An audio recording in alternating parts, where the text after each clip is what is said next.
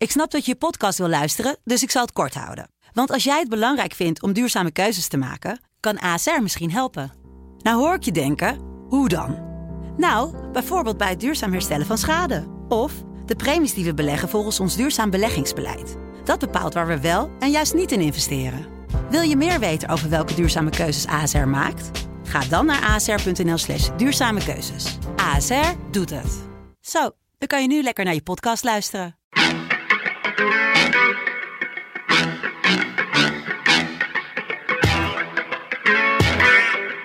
Dit is, dit is het land van Wierde. Een podcast van de Telegraaf met analyses op het nieuws die u elders niet hoort. Met Wierde en Robert Ophorst. Het is donderdag 18 november en de Verenigde Staten zijn weer eens hopeloos verdeeld. Ditmaal over het proces tegen een 18-jarige die wordt vervolgd voor tweevoudige moord. En heel Nederland zucht onder de coronacrisis en dat geldt natuurlijk ook voor jongeren. Zien zij het leven nog wel zitten?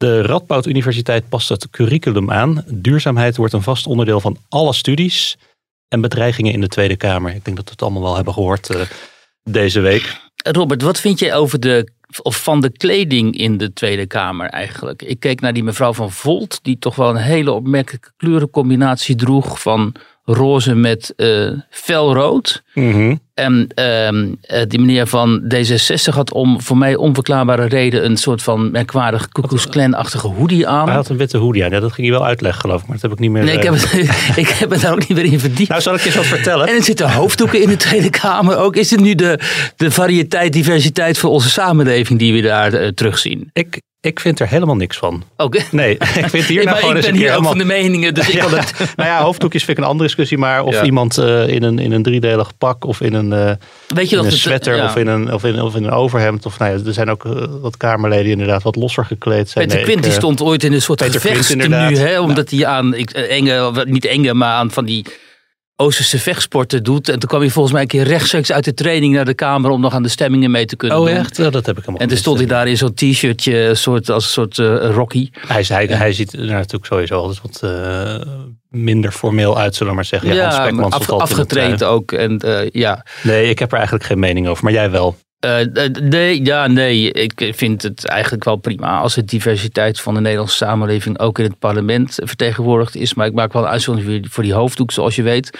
Maar daar gaan we um, het niet over hebben. Daar hebben we het al uitgebreid over gehad. Ik wil nog wel één ding uh, vooraf uh, even zeggen. Um, wij bedanken eigenlijk nooit onze luisteraars. Wat dacht, je gaat mij bedanken. Ja, ik wil jou ook heel graag bedanken. Maar eerst even onze uh, podcastluisteraars. Want zo langzamerhand hebben we toch in die paar jaar dat we dit nu doen... een uh, hele trouwe achterban opgebouwd. Met mensen die veelvuldig reageren ook. En die ook uitkijken naar de podcast. En die zeggen dat ze met de podcast aan het rennen zijn.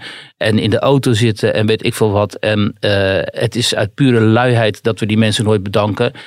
en niet uit onwil of zo. En dat gaan we nu doen omdat we natuurlijk het fantastisch vinden dat mensen zo trouw elke week op donderdag naar deze podcast luisteren. En ook bekennen dat ze er iets aan hebben en dat ze gewoon ook hun inzichten en meningen laten schuren met die van ons hier in de, in de podcast. Dus uh, bij deze allemaal heel hartelijk dank voor het luisteren. Ik sluit me daar volmondig bij aan. De VS, laten we het daarover hebben. Kyle Rittenhouse, die staat daar uh, terecht. Inmiddels is hij 18, maar vorig jaar was hij 17. Hij wordt uh, vervolgd voor tweevoudige moord. Hij was vorig jaar in de Amerikaanse stad Kenosha, daar in Wisconsin, Win, Wisconsin, Wisconsin moet ik zeggen. Ja. Daar uh, waren op dat moment uh, hevige rellen uitgebroken nadat een uh, politieagent de ongewapende zwarte man Jacob Blakes, Blake meermaals in de rug had geschoten. Nou, dat was sowieso een hele explosieve tijd, nog meer dan nu. In de, in de nasleep van de dood van George Floyd. Dus ja. die, die context was het. De Black Lives Matter rellen eigenlijk, daar kwam het op neer. Hè? Ja, um, hij komt uit de naburige staat Illinois. hij was op de bewuste avond gewapend met een semi automatisch geweer op pad daar, naar eigen zeggen, om te helpen om de orde te bewaren en de politie te helpen en mensen in nood te helpen. Nou, het kwam uiteindelijk tot een schermutseling waarbij twee mensen door hem zijn doodgeschoten en een derde zwaar verwond. Ik geloof dat die man zijn arm moet missen. Dat gebeurde toen betogers hem aanvielen en zijn wapens wilden afpakken. Nou, volgens zijn advocaat was het zelfverdediging. Vreesde de jongen voor zijn leven en volgens de openbaar aanklager is het hier gewoon een tweevoudige moord. Ja, jij wilde het hierover hebben omdat het enorm eh, voor enorme verdeling ook zorgt in de, in de Nou ja, VS, omdat dit dit proces. de proces eh, exemplarisch is voor de enorme verdeeldheid in de Verenigde Staten. Eh, en van de manier waarop de media met dit soort feiten en dit soort incidenten. En nou ja, dit is natuurlijk een catastrofe ook omgaan. En ook wel de manier waarop Nederlandse media hier dan over berichten. Omdat juist in deze zaak, in het proces, zo zeer duidelijk is geworden hoezeer die Kyle Rittenhouse hoezeer die hele zaak eigenlijk is geframed. Hè, als een kwestie van een white supremacist die eh, daar schietend door Kenosha trok op zoek naar slachtoffers. En daar ook inderdaad een aantal slachtoffers maakte. En liefst eh, verdoezelen die Amerikaanse media, linkse media, linksliberale media. Dan ook nog eens een keer dat het hier niet om blanke slachtoffers gaat. Maar eh, dat het hier niet om zwarte slachtoffers gaat, maar om blanke slachtoffers. Hè. Dus hè, ze hadden natuurlijk helemaal een soort eh, eh, eh, hoogtijdag. Field Day heet dat in het Engels. Field day precies kunnen hebben als die Rittenhouse eh, zwarte slachtoffers had gemaakt. Dan had het helemaal in hun frame gepast. Maar dat is dus niet zo. Ehm, het punt is dat eh, geprobeerd is om inderdaad van hem gewoon een bloeddorstige moordenaar te maken. Die hier willekeurig eh, mensen doodschoot die bij demonstraties zouden zijn geweest. Van, vreedzame demonstraties. mostly peaceful eh, demonstrations zoals wij zagen toen bij CNN was het meen ik of een van die andere omroepen waarbij je op de achtergrond dus brandende ehm, in, in vlammen staande gebouwen zag maar de verslaggever ter plekke die had het toch over mostly peaceful demonstrations en eh, en tijdens dit proces is die medialeugen dus eh, gewoon ontrafeld. Ehm, ook wel tot eh, verbijstering van mensen die daar lang in geloofd hebben. Hè, en die nu zeggen van, jee, hoe is dit in vredesnaam mogelijk? Want we zijn hier toch wel eh, gewoon ehm, bedonderd. Hè, Want welke leugen, en is, bedonderd. welke leugen is ontmaskerd? Behalve dat dus de slachtoffers niet eh, zwart zijn. Maar dat was natuurlijk vanaf het begin af aan al duidelijk. Ja, er zijn een aantal, aantal zaken. Hè. Kijk, voorop staat natuurlijk dat het bizar is in onze ogen. Maar goed, dit zijn de Verenigde Staten. Maar dat het bizar is in onze ogen dat een jongen eh, een, eh, ehm, iets van 30 kilometer van, het ene, van de ene plek naar de andere plek trekt. Daar een semi-automatisch wapen ophaalt en denkt: ik ga meehelpen de orde die zwaar verstoord is hier in Kenosha te handhaven. Dan denken wij van, wat, hoe, hoe is het in vredesnaam mogelijk? Maar goed, En dan denken wij ook dat is een recept voor ongelukken. dat is natuurlijk een recept voor inder- inderdaad grote, grote eh, tragiek. Eh, maar goed, dit zijn de Verenigde Staten, dus dan, ehm, dan moet je anders eh, redeneren. Ten eerste wordt gezegd dat die Rittenhouse met illegaal wapen de grenzen tussen die beide staten overtrok. Want hij, Wat op hij- zichzelf al een misdaad is. wat op zichzelf een misdaad is. Want hij woont dus in- dan in Illinois, geloof ik. En hij ging naar Wisconsin, Kenosha. Maar dat, is niet zo, omdat hij had het. Hij was dus al. En ook ja, dat hij niks in Kenosha te zoeken had. Maar dat is niet zo. Hij heeft daar familie wonen. Hij werkte daar.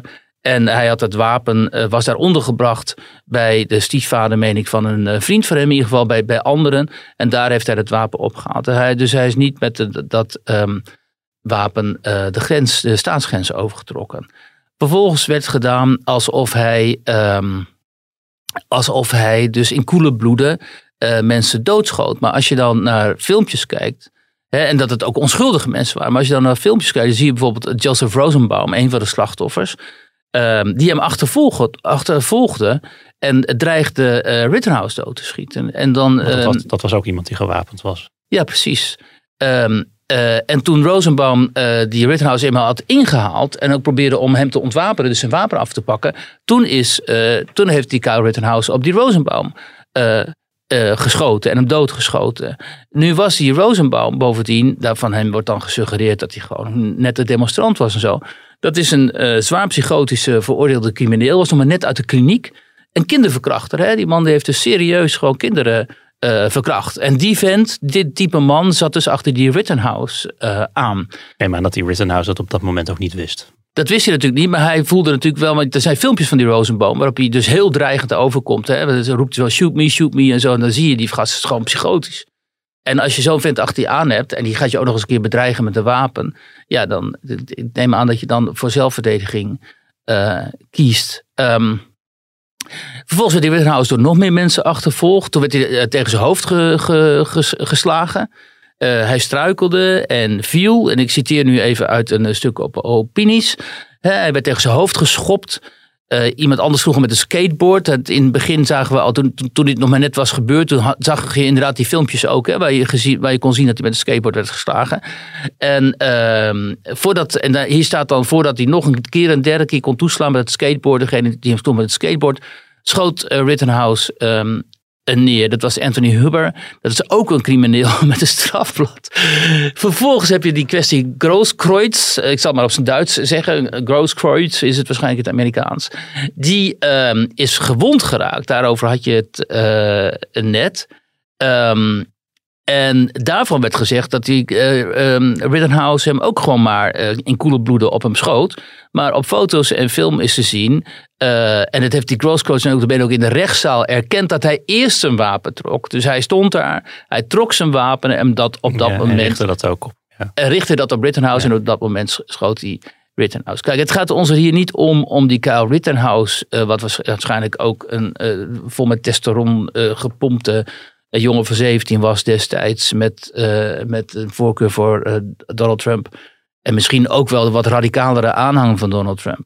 Eh, want dat wordt ook gezegd, hè, dat hij stond te, te feesten met de Proud Boys en zo. Om Rittenhouse te verdedigen. Maar het gaat hier wel erom om de journalistiek te verdedigen.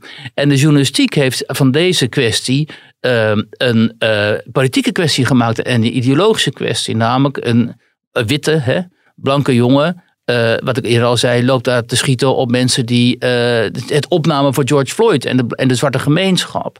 En dat blijkt nu dus eh, helemaal niet het geval te zijn. En het interessante is nu, ook al stort dit hele narratief, zoals het heet, in elkaar. En ook al is het volstrekt duidelijk dat we hier met een andere kwestie te maken hebben dan ons werd voorgeschoten. Dan nog blijven heel veel media vasthouden aan dat verhaal.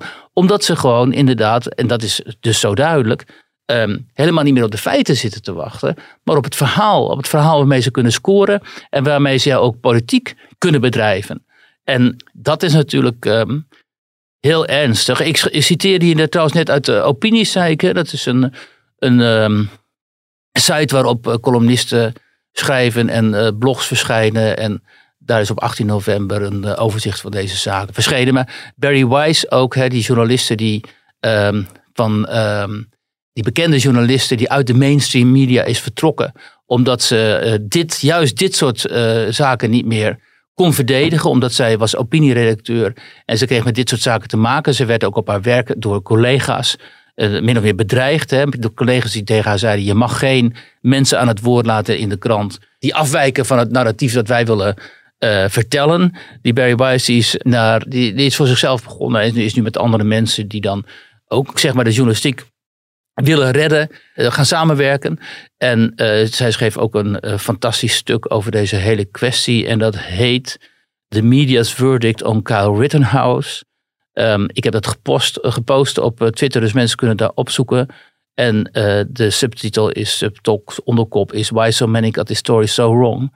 En zij fileert dus ook dat hele verhaal door die mainstream Ja. media, zoals dat heet. Nou is het inderdaad Amerika, dus alles wordt langs de meetlat van ras en afkomst gelegd. Ook tijdens het proces nog. Er is nu geloof ik weer heel veel te doen eh, over, over of die rechter wel onbevooroordeeld is. Want die had een ringtone, eh, God Bless America. Ja, en nu dat werd er- ook wel eens op eh, republikeinse Ja. bijeenkomsten gebruikt. En hij had een grap gemaakt over het, de, de, het eten wat bezorgd, bezorgd werd. En wat mogelijk te laat zou komen. Dat het Asian food was of zo. Dus die, er is natuurlijk veel gedoe over de, de samenstelling van de jury. Nou, dat is altijd bij zo'n juryproces.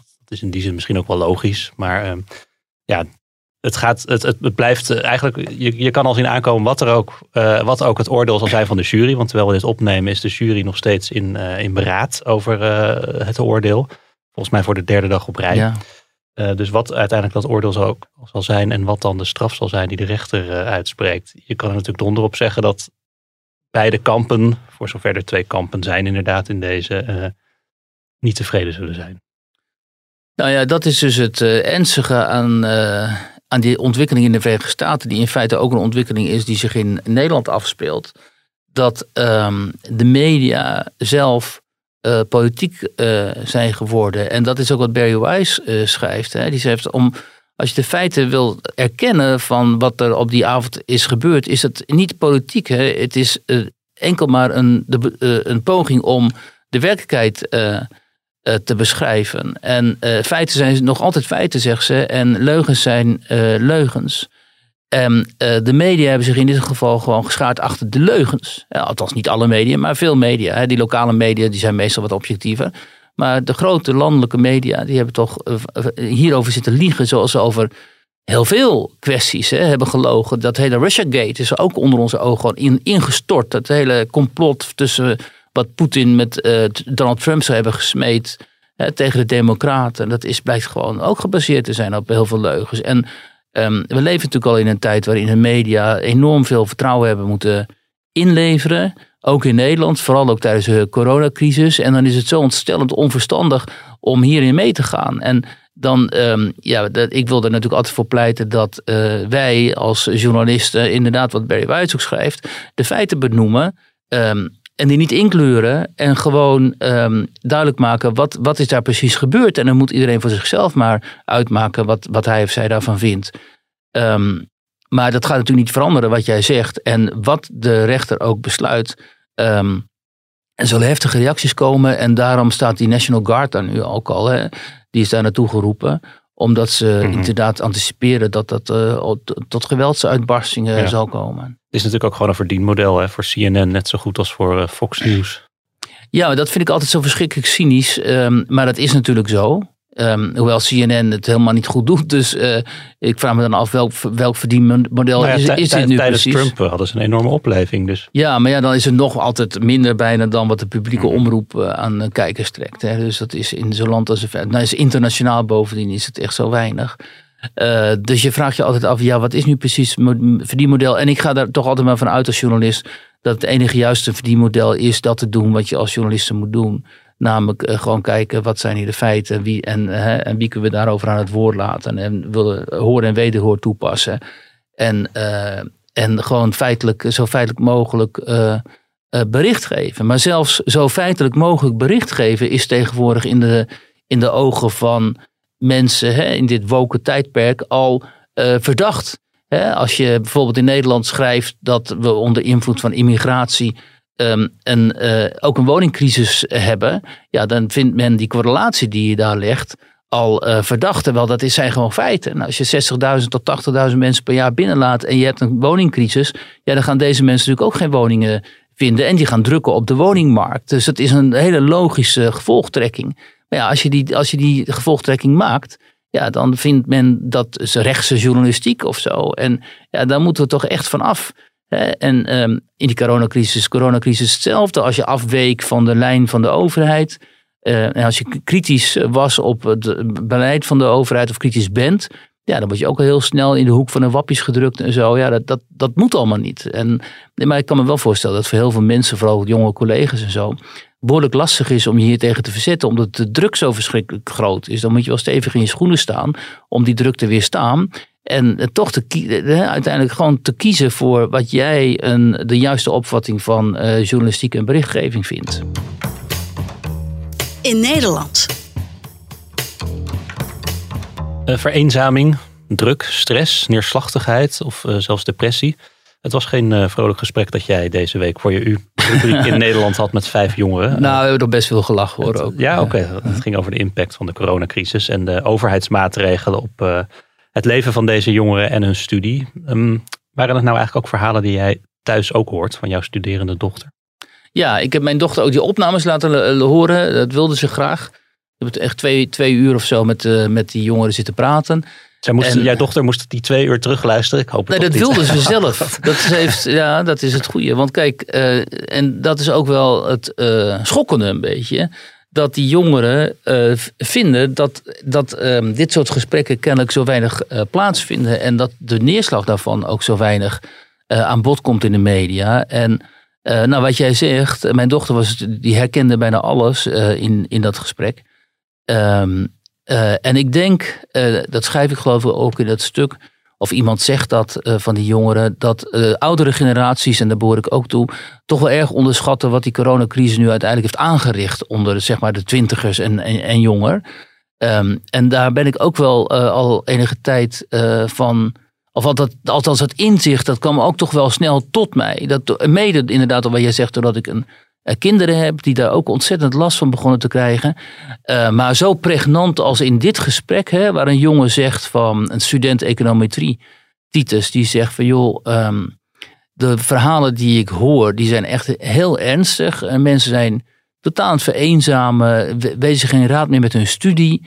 Hij liep de Weesperflat uit, de studentenflat. En ehm, eh, op een gegeven moment, en daar lag eh, een meisje, die had, zichzelf eh, naar beneden gestort. Dus die had geprobeerd om zelfmoord te plegen. Eh, ik hoor ook zelf ook van zelfmoordpogingen en jongeren die zelfmoord hebben gepleegd in deze coronatijd. Nu blijkt niet uit de officiële cijfers dat, die, dat, dat, dat daar een toename is, maar je hoort, ik hoor wel heel veel, of ik hoor veel, te, ik bedoel, ik hoor te veel, want je wil het helemaal niet horen natuurlijk, dat, dat dit speelt onder ehm, jongeren. Dus die jonge generatie heeft gewoon echt een enorme klap gekregen. En dan kun je wel zeggen, ja joh, eh, wij hebben de, de Tweede Wereldoorlog meegemaakt en zo. Dus wat, wat, wat, wat klets je nou? Maar dat is natuurlijk geen valide argument. Weet je wel, Ehm, het gaat erom dat als jij een jaar of 16, 17, 18 bent, dan heb je een bepaald beeld van de toekomst. En als jij je eindexamen hebt gedaan in coronatijd en je kon het eindexamen niet vieren en vervolgens weer gaan studeren. En je kunt, eh, de studentenvereniging is gesloten en je kunt eigenlijk geen contacten maken met je studenten, omdat je elkaar alleen maar online ziet of met je medestudenten. En je komt naar een nieuwe stad, hè, naar Leiden of Amsterdam of zo, om daar te studeren. En je leert eigenlijk niemand kennen. En je bent nog maar 18 en zo, eh, dan, hè, 19. Ja, dan ben je natuurlijk enorm ehm, snel. eh, je bent in een gevoelige leeftijd en je vereenzaamt natuurlijk heel erg snel. Ehm, en ik ben het eens met deze jongeren die zeggen, daar is gewoon in, het beleid veel te weinig aandacht voor geweest. Wij hebben enorm geleden onder die generieke maatregelen. En nu komt 2G eraan. En een aantal van ons is niet gevaccineerd of wil zich niet laten vaccineren om allerlei redenen. En dan gaat zometeen misschien het hoger onderwijs voor ons ook nog eens een keer eh, verboden worden als we niet ehm, die coronapas eh, hebben. Dus en die jongen zegt, ja, dan slaat gewoon de paniek slaat toe. Niet alleen stress, we hebben al permanent stress. Maar dan ook nog eens gewoon paniek en angst dat we die studie uiteindelijk niet zullen afronden. Een meisje zei ook van ja, ik vraag me echt op dit moment af, ik moet mijn scriptie nog schrijven. Wa- Waar, doe ik het voor? Want wa- waar gaan we naartoe met zo'n 2G-samenleving? Want we weten helemaal niet of die tijdelijk is en of zometeen niet die 2G ook gewoon uitgebreid gaat worden naar allerlei andere onderwerpen. Hè, zoals klimaat of hè, CO2-afdruk en weet ik veel wat.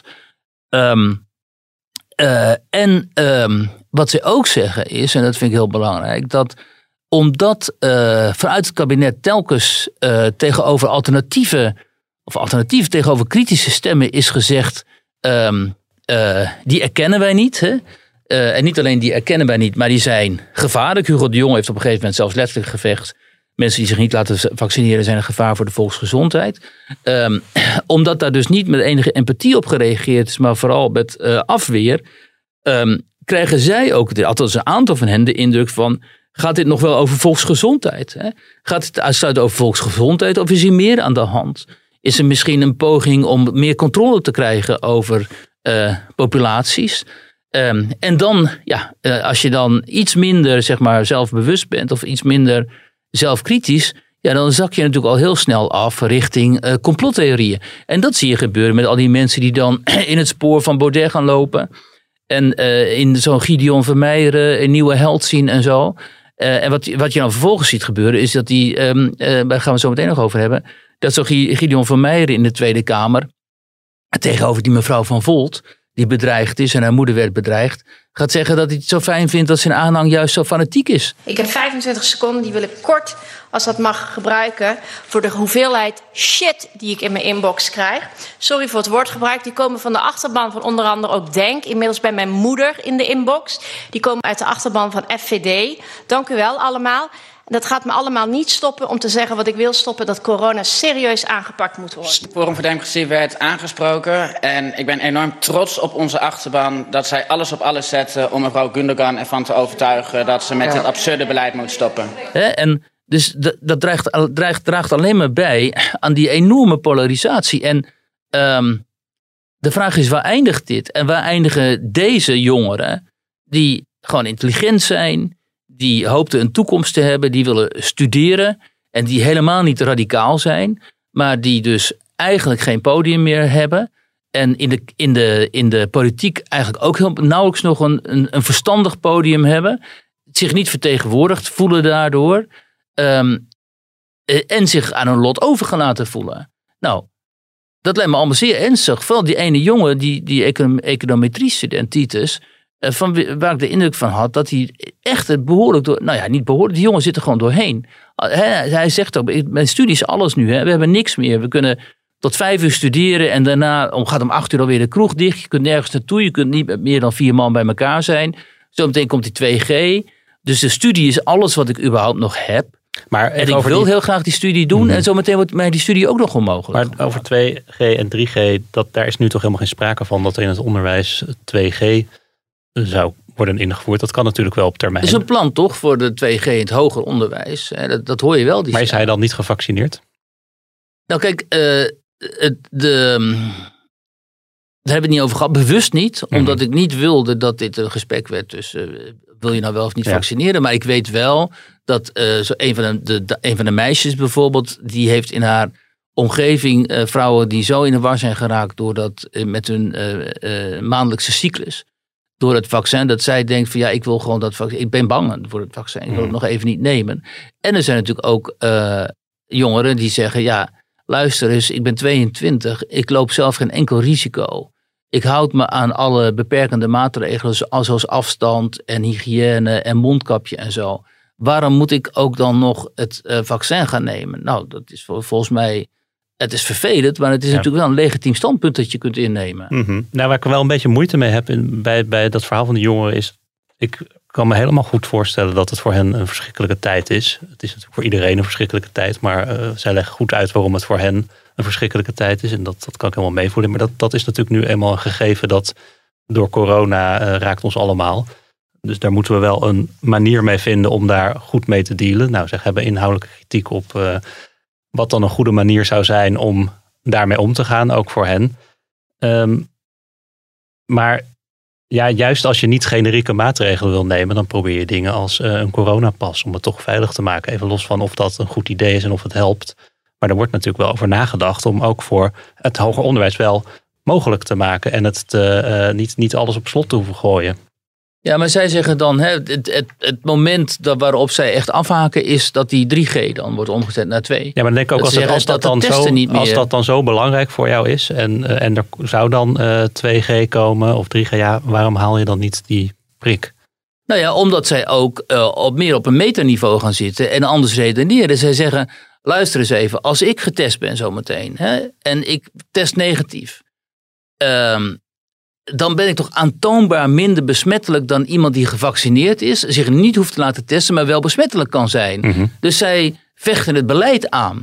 Dus het is, niet, het is niet per se zo dat ze zeggen, ja, dat, zij, dat ze erover huilen dat zij zometeen niet eh, van allerlei eh, fa- faciliteiten gebruik kunnen maken. Maar ze zeggen meer ook op het theo- theoretisch niveau. Waarom moet ik mij onderwerpen aan een beleid dat gewoon aantoonbaar absurd is? Omdat die gevaccineerden immers ook besmettelijk kunnen zijn. Maar die mogen overal naar binnen. En ik ben jong, fit. Ik kan me laten testen. Ik ben dan eh, negatief getest. Dus ik ben gewoon totaal geen gevaar. Maar ik mag zometeen niet naar binnen. Dat vinden ze dus principieel onjuist. En zij zijn niet de enige. Hè. Ik krijg ontzettend veel reacties van mensen die eh, zeggen van ja, maar dit, dit, dit kan gewoon op deze manier is het niet meer te rechtvaardigen. Dus eh, wat ik, het vermoeden dat ik heb, en dat deel ik met iemand als eh, Marianne Zwageman, onze columniste, is dat, dat op dit moment eh, het draagvlak voor dit beleid zwaar aan het afnemen is. Omdat mensen ehm, dit echt onrechtvaardig vinden. Als je dat testen uitsluit van, hè, zeg maar, van die coronapas. Eh, en dat, dat is eigenlijk wat ze aan de orde willen stellen. Ehm, en dat ze ook zeggen van, omdat ze het beleid niet begrijpen en omdat ze de logica niet inzien, gaan zij eh, die overheid wantrouwen. En een van hen die zegt van ja, als je als overheid sneaky gedraagt, als je maar lang genoeg sneaky gedraagt, dan gaan mensen je ook sneaky vinden. En dat, dat is eigenlijk het sentiment dat ik wilde beschrijven, omdat ik dat zo vaak tegenkom tegenwoordig.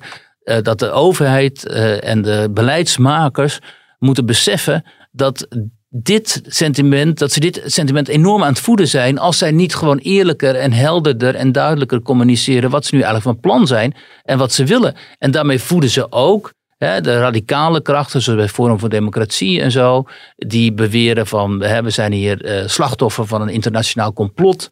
Het World Economic Forum zit hierachter, de Build Back Better agenda zit hierachter. En wij worden allemaal een soort zombies in een soort uh, Orwelliaans of nog erger Brave New World-achtig scenario. Ja, daar zijn mensen natuurlijk ontzettend gevoelig voor. Dat zegt iemand ook in dat stuk van mij. Omdat ehm, mensen raken in de war. Mensen snappen, nee, weten niet wat is er nu waar, wat is er nu waar. En uh, Thierry Baudet geeft hun een hele aannemelijke verklaring, althans in, in hun ogen. En zeggen ze natuurlijk, ja, kijk, die, die Baudet heeft groot gelijk. En kijk ook hoe Baudet wordt tegengewerkt, zeggen ze dan. En hoezeer dus de rest van de Kamer, hè, althans al die mensen die dan voor dit beleid zijn, hoe zie je ze tekeer gaan tegen Forum? Dat is voor hun ook alleen maar meer een bewijs dat uh, Forum voor Democratie op de juiste weg is. Anders zou immers de weerstand ook niet zo enorm zijn. Snap je? Zo redeneren die mensen. En ja, daar moet toch vanuit het midden echt een veel en veel en veel beter verhaal tegenover worden gesteld. Anders ben je ze gewoon maar goed, heb ik hier al zo vaak gezegd. Dan ben je die mensen kwijt. En dan ben je ook dit soort intelligente jongeren kwijt. Die waarschijnlijk niet naar Forum zullen afdrijven. Uh, maar wel heel veel wantrouwen ten opzichte van die overheid zullen overhouden. Dus uiteindelijk komt onze samenleving, dat is eigenlijk de kern van mijn verhaal. Onze samenleving komt ernstig beschadigd uit deze crisis. We zijn in no time naar een low trust society afge, afgedaald. En het is maar helemaal de vraag hoe lang het gaat duren dat dat vertrouwen tussen burger en overheid, dat sociaal contract ook, wordt hersteld. En of dat überhaupt nog mogelijk is. En als ik de plannen zie van VVD en CDA voor het volgende kabinet die in de trein zijn gevonden, dan houd ik heel erg mijn hart vast. Want um, dat draagvlak daarvoor is natuurlijk gewoon buitengewoon gering. Wie, wie, wie, wie het Woken Week. Ja, vanaf komend collegejaar wordt voor iedere student aan de Radboud Universiteit in Nijmegen duurzaamheid een standaard onderdeel van de opleiding. Het maakt dus niet uit of je geschiedenis, scheikunde of Duitse taal en cultuur studeert. Uh, duurzaamheid zul je leren. Uh, met het integreren van duurzaamheid in het curriculum uh, zegt, zet de universiteit een grote stap in de missie om een significante impact te maken op de toekomst als universiteit. Zo, zo zeggen ze zelf. Collegevoorzitter Daniel Wegboldes eh, die citeer ik even, die zegt: De klimaatcrisis is een complex wereldwijd probleem. En daarom hebben we de keuze gemaakt om alle studenten vanuit hun eigen discipline na te laten denken over dit probleem. Alle kennis en onderzoek draagt bij aan de oplossing en beter zicht op problemen. Ja, nou ja, dus als jij zometeen econometrie wilt studeren of islamstudies, of, hè, dan krijg je ook het vak duurzaamheid uh, er gratis bij. Nou, niet gratis, maar je krijgt er wel bij. Ja, dat is natuurlijk uh, heel merkwaardig. Um, ik zag ook, kijk, dit is wel de universiteit in Havana aan de Waal. Hè, dus um, um, Nijmegen is natuurlijk van oudsher een hele linkse stad. Ze hebben een reputatie hoog te houden. Precies, ze hebben een reputatie hoog te houden. En wat, wat, wat dat betreft hoeft het niet uh, te verbazen. Uh, maar ze gaan dus ook bijvoorbeeld, een, volgende week is dan Black Friday, las ik. Ja. Uh, en dan gaan ze ook een actie voeren om een, uh, een landelijke campagne begint de universiteit om mensen aan te sporen na te denken over hun consumptiegedrag en hoe zij via onderwijs en onderzoek invloed kunnen hebben op de toekomst. Ja, het is allemaal ideologisch, politiek uh, bepaalde uh, programma's zijn dit. Um, waarvan je, nou ja, dat is, ik vind het dus heel verwerpelijk. Ik vind dat universiteiten zeker niet vanuit dat niveau vanuit het hoogste niveau moet zich helemaal niet met politieke ideologie bemoeien. En duurzaamheidsvraagstukken is natuurlijk gewoon een heel politiek um, beladen thema. Hè? Uh, dus je kunt er donder op zeggen dat dit thema op deze universiteit, vanuit welke hoek dit zal worden behandeld, daar hoef je eigenlijk helemaal geen vragen over, over te hebben. Um, en um, als ik als student, als ik naar de universiteit kom, dan wil ik niet door het universiteitsbestuur opgedragen krijgen eh, dat ik ook nog eens een keer een aantal colleges duurzaamheid moet gaan volgen. Daar wil ik graag zelf voor kiezen, want ik betaal daarvoor notabene. Uh, en het is in Nederland een niet gering bedrag. En dan hoef ik niet, uh, zometeen gaan ze nog bij de VU of zo, of noemen ze een andere linkse universiteit, UvA gaan ze dan uh, zeggen dat jij critical race theory of zo. Nou ja, dat zat ik ook te kijken. Wat, dus ze schrijven dan zelf, ja, dit, dit, dit uh, plan komt voort uit een strategie die in 2019 uh, is geformuleerd. Significant impact. En daar, daar, daar past het dan binnen.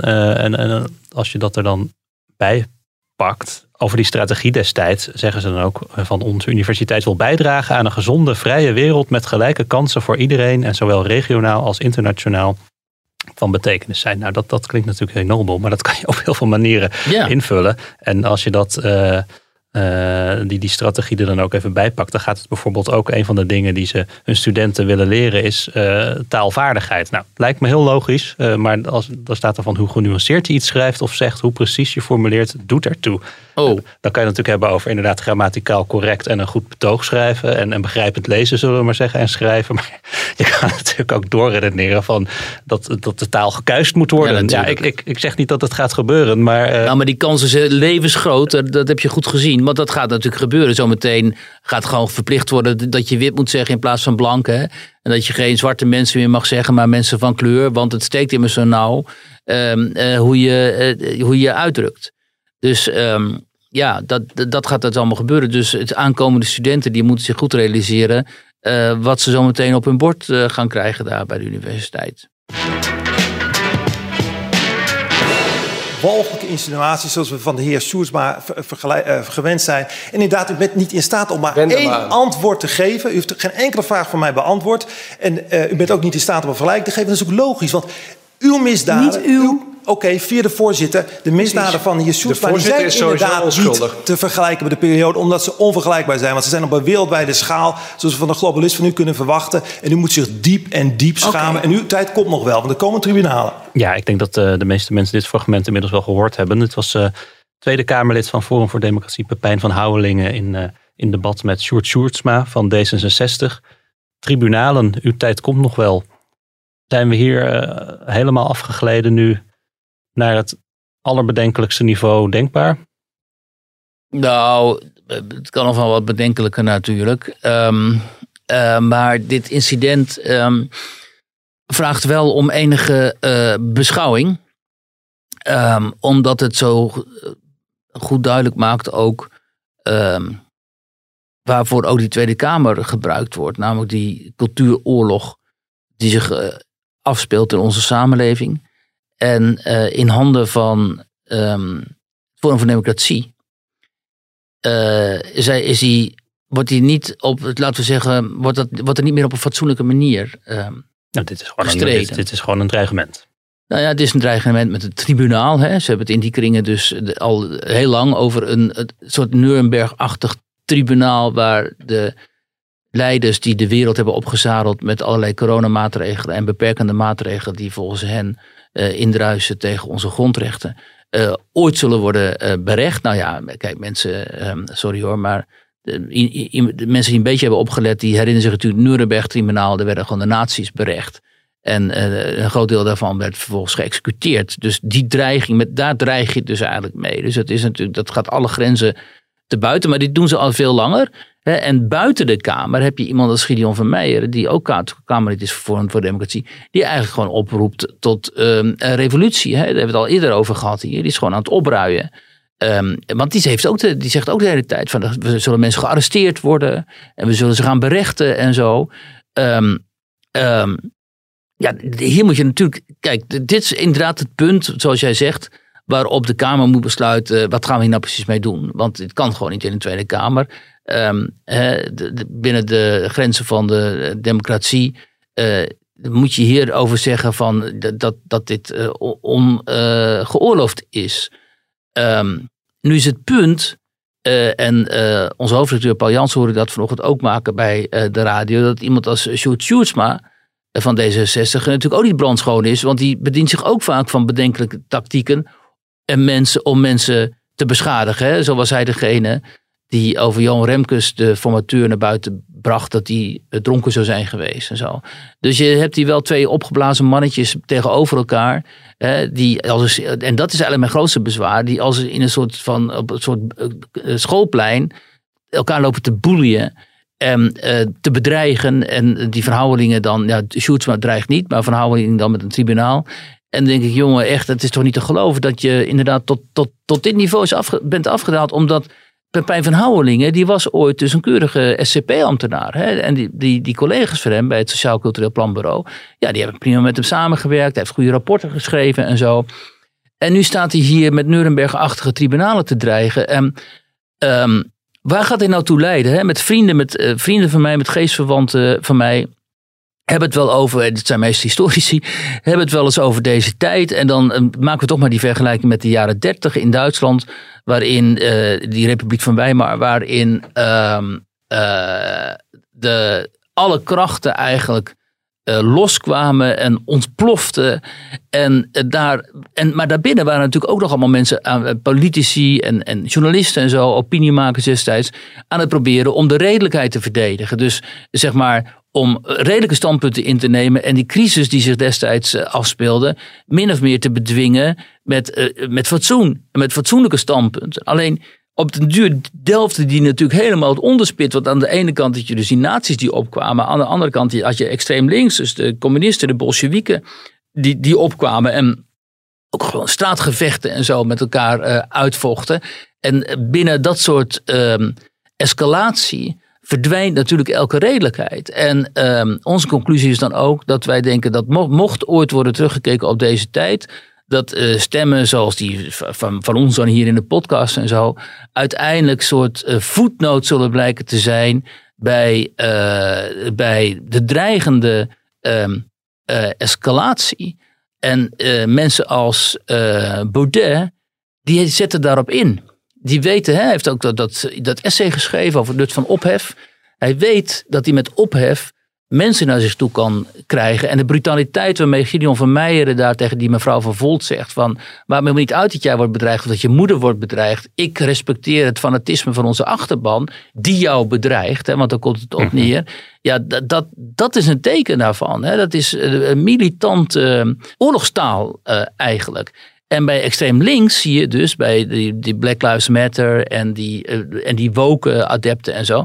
Die zijn precies zo. Die hebben ook geen enkele, enkele bezwaar tegen oorlogsretoriek. Ook niet, zij ook niet tegen geweld. Zij gebruiken geweld. Je kunt niet zeggen dat Forum voor Democratie te oproept tot geweld. Althans, uit naam van Forum voor Democratie is er geen geweld gebruikt. Terwijl uit naam van die woke ideologie gewoon die steden, die, dat Kenosha en zo, maar ook andere steden, Portland Um, daar is gewoon zwaar geplunderd. Um, en als die twee krachten, zoals nu in de Verenigde Staten ook het geval is, tegenover elkaar komen te staan, ook in Nederland, dan met een, met een nu al verdwenen centrum in de politiek, want het politieke centrum bestaat eigenlijk niet meer, politieke midden. Uh, ja, dan, um, waar gaan we dan in vredesnaam naartoe? Dus kijk, wij, uh, ik vind, daarom hamer ik er ook steeds op, dat politieke midden moet veel meer van zich laten horen en moet veel minder zoals in Nederland nu gebeurt, afdwalen naar, naar, naar links. Maar als je dan dat, concept ziet wat eh, VVD en D66 hebben geschreven, ja, dat is gewoon uh, voor een nieuwe regering, een nieuwe, een nieuw regeringsakkoord, dat is gewoon een links verhaal. En binnen die VVD, alle klassieke liberalen en klassieke traditionele VVD'ers, die hebben al helemaal niks meer met die partij. Die stemmen, een aantal daarvan stemt nog wel op die partij uit de armoede. Maar ja, die, de, de, de, de, de weg die Rutte is ingeslagen, daar zijn ze natuurlijk helemaal niet mee eens. En Um, waardoor die stem verdwijnt. En misschien kijken we over 50, 60 jaar terug. En zien we, mede doordat die stem verdween, ook die van de behouden mensen binnen het CDA. Eh, want die, die hoor je ook niet meer, die zie je ook niet meer. Mede doordat die stemmen zijn verdwenen, kregen de flanken dus de gelegenheid uh, om uh, het land in vuur en vlam te zetten. En vergis je niet, natuurlijk staat het land niet in vuur en vlam. Maar uh, het aantal mensen dat op dit moment zegt, zich zorgen maakt over waar het naartoe gaat. En die mij schrijven en zeggen: joh, ik heb me nog nooit zo gevoeld als nu. Hè. Vanochtend nog een meneer die zegt: ik ben in de 70. Maar wat er nu gebeurt, dat heb ik echt nog nooit gezien. En ik, durf het niet in het openbaar te zeggen, want ik weet dat ik gekielhaald ga, ga worden. Maar uh, uh, ik maak me ernstige zorgen over uh, wat ik zie. Nou, en dat zijn er gewoon honderden. Hè, honderden. Maar Jan Zwageman krijgt ze ook.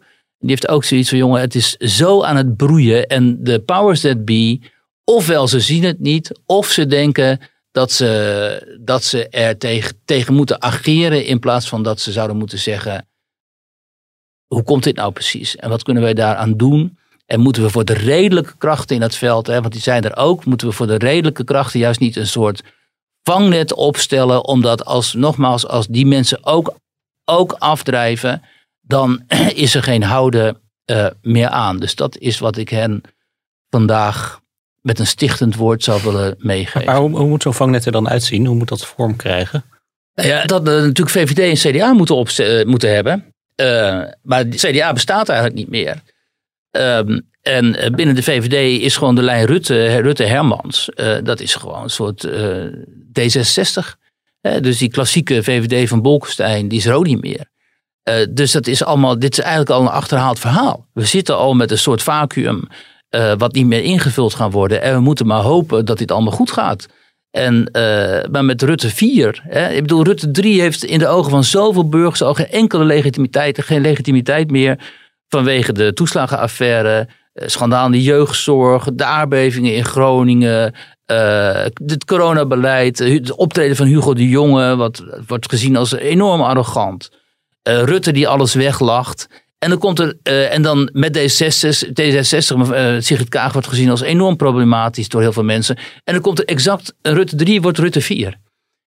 In, in nu, terwijl de uh, besmettingen weer oplopen, er een zorginfarct infarct dreigt. En het zorginfarct gaat toegeschreven worden aan 10 jaar Rutte, want bezuinigingen op de zorg. En we zitten altijd op scherp van de snede in die zorg. Eh, te acteren, want er mag, hè, er mag niet meer geld naartoe. Dus dat gaat ook aan Rutte worden toegeschreven. En dan komt het een nieuw kabinet Rutte aan met deze bagage. Ja, dat, dat, als je dat analyseert, kan dat kabinet al niet te lang leven zijn beschoren. Nou, en dan komen de verkiezingen. En wie moet dan eigenlijk de democratie redden? Dat is een Pieter Omzicht. Nou, die is er helemaal niet naartoe, want die is nog gewoon, uh, die mag alleen maar drie dagen per week werken of zo. Die is toch, zit eigenlijk nog helemaal in die burn-out. Um, waar gaan mensen dan naartoe?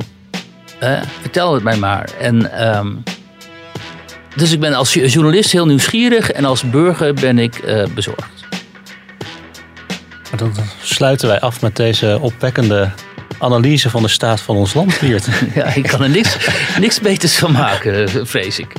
Ik, uh, ik dank jou hartelijk. Dank je wel. En alle luisteraars uiteraard ook weer bedankt. Graag tot volgende week.